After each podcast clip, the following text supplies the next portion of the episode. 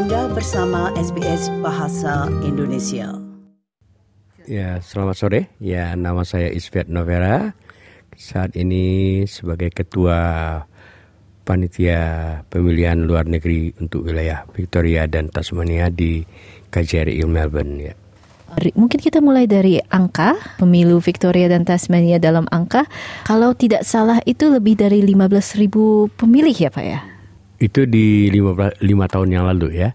Untuk angka sekarang ini kita mendapatkan daftar pemilih tetap itu sejumlah 12.357. 12.357 itu cuma pemilih tetap. Ya. Ini cuma satu hari kah? Uh, ya, satu hari dan penghitungannya pada hari Rabu tanggal 14 Februari yang harus sama dengan penghitungan di Indonesia pada pukul 5 sore kita mulai. Secara proporsi, um, Victoria dan Tasmania ini apakah uh, jumlah pemilih terbesar uh, untuk pemilu ini atau uh, New South Wales lebih besar, Pak? Ya. Uh, itu New South Wales ya yang lebih besar karena New South Wales itu membawahi tiga state ya. Jadi Brisbane, uh, Queensland gitu dan uh, Adelaide gitu. Uh, jadi uh, mereka selalu dalam jumlah dalam jumlah pemilih DPT itu uh, sekitar di atas kita lah sekitar 14 ribu, 15 ribu sekarang gitu. Apakah ada perbedaan dari teknis penyelenggaraan dibanding pemilu terakhir um, di Australia di luar negeri, Pak?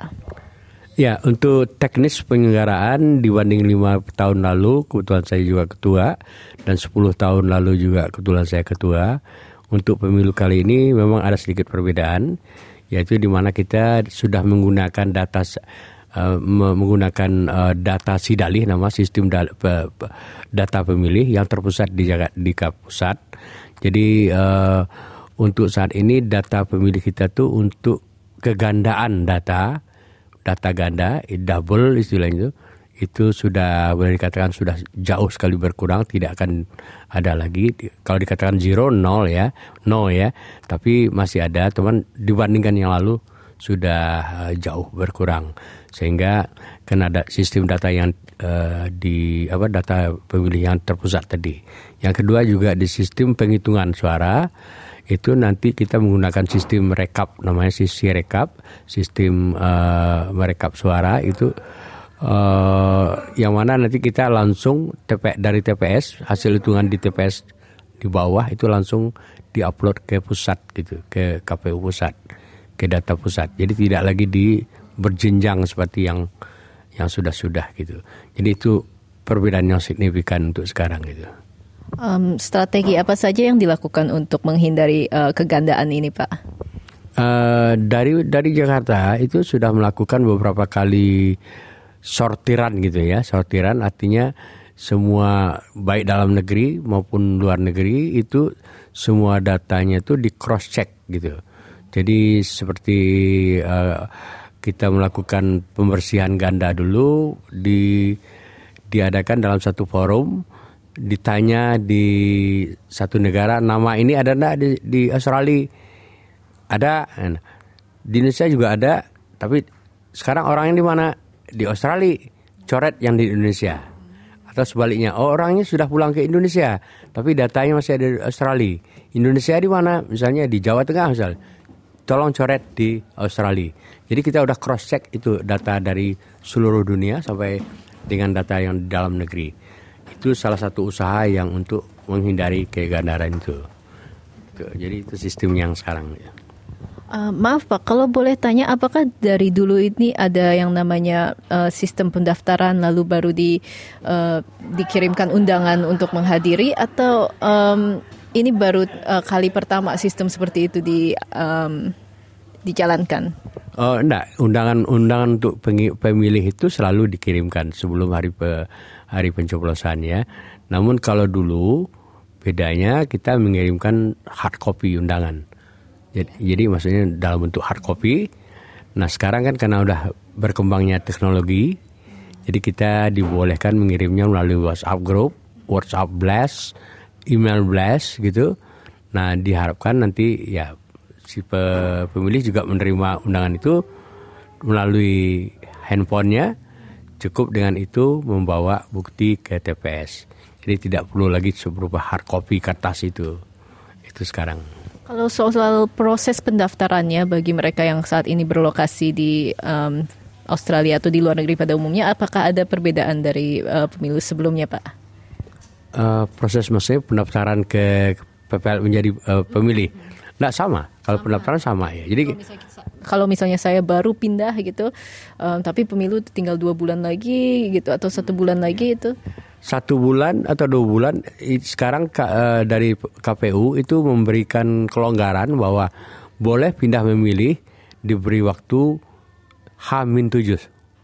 H-7 which is tanggal 3 Februari, Februari kemarin batas akhir untuk orang yang pindah memilih dari dalam negeri Indonesia ke luar negeri. H-7 berarti tiga hari sebelum eh tujuh hari sebelum pencoblosan.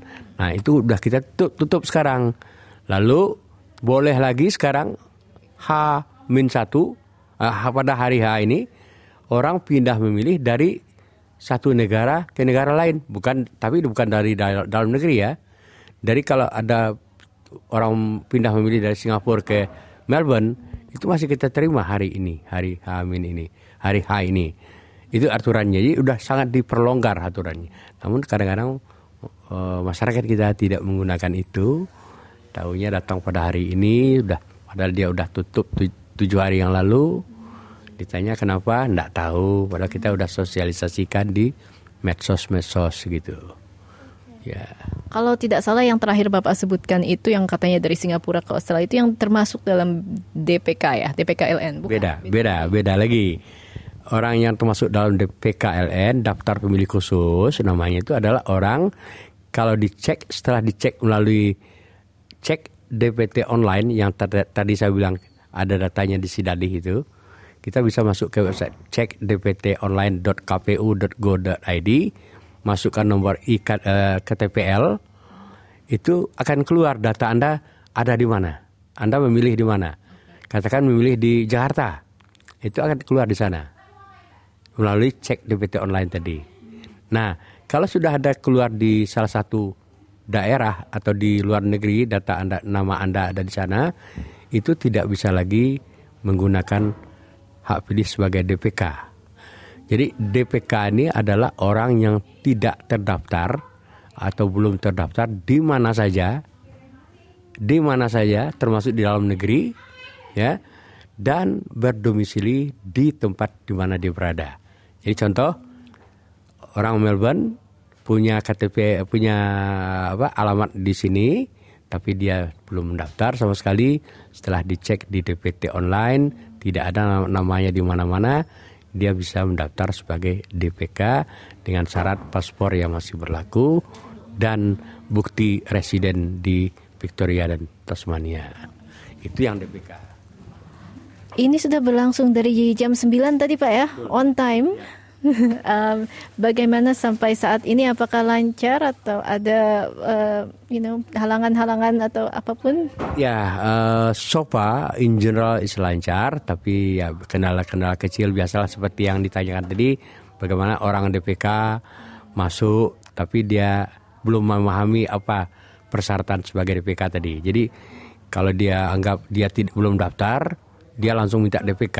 Padahal kalau dicek di melalui KTP-nya dia sudah ada di mana gitu namanya. Jadi tapi dia ngotot, "Ndak, saya mau masuk DPK." Ya itu ndak bisa.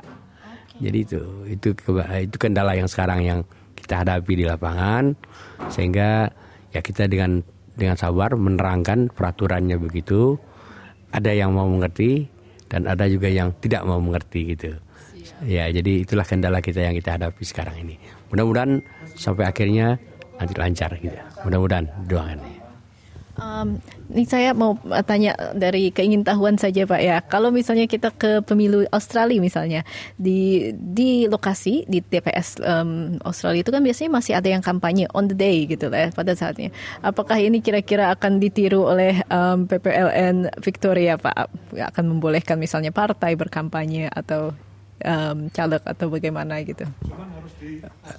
Saya rasa uh, belum belum boleh ya ke sana ya.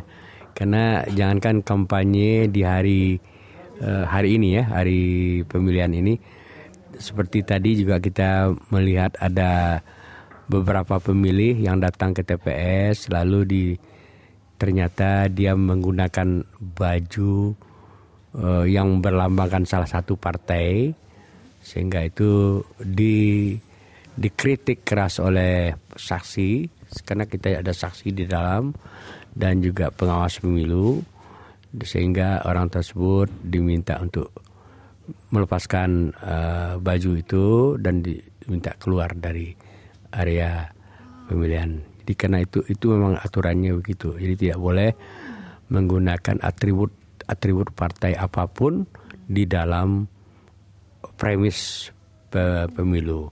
Apalagi kampanye menggunakan atribut partai aja tidak boleh. Jadi saya rasa untuk berkampanye di saat hari pemilu seperti Australia itu masih menunggu waktu lama nanti kita ya. Sukai, berbagi, komentar. Ikuti SBS program Bahasa Indonesia di Facebook.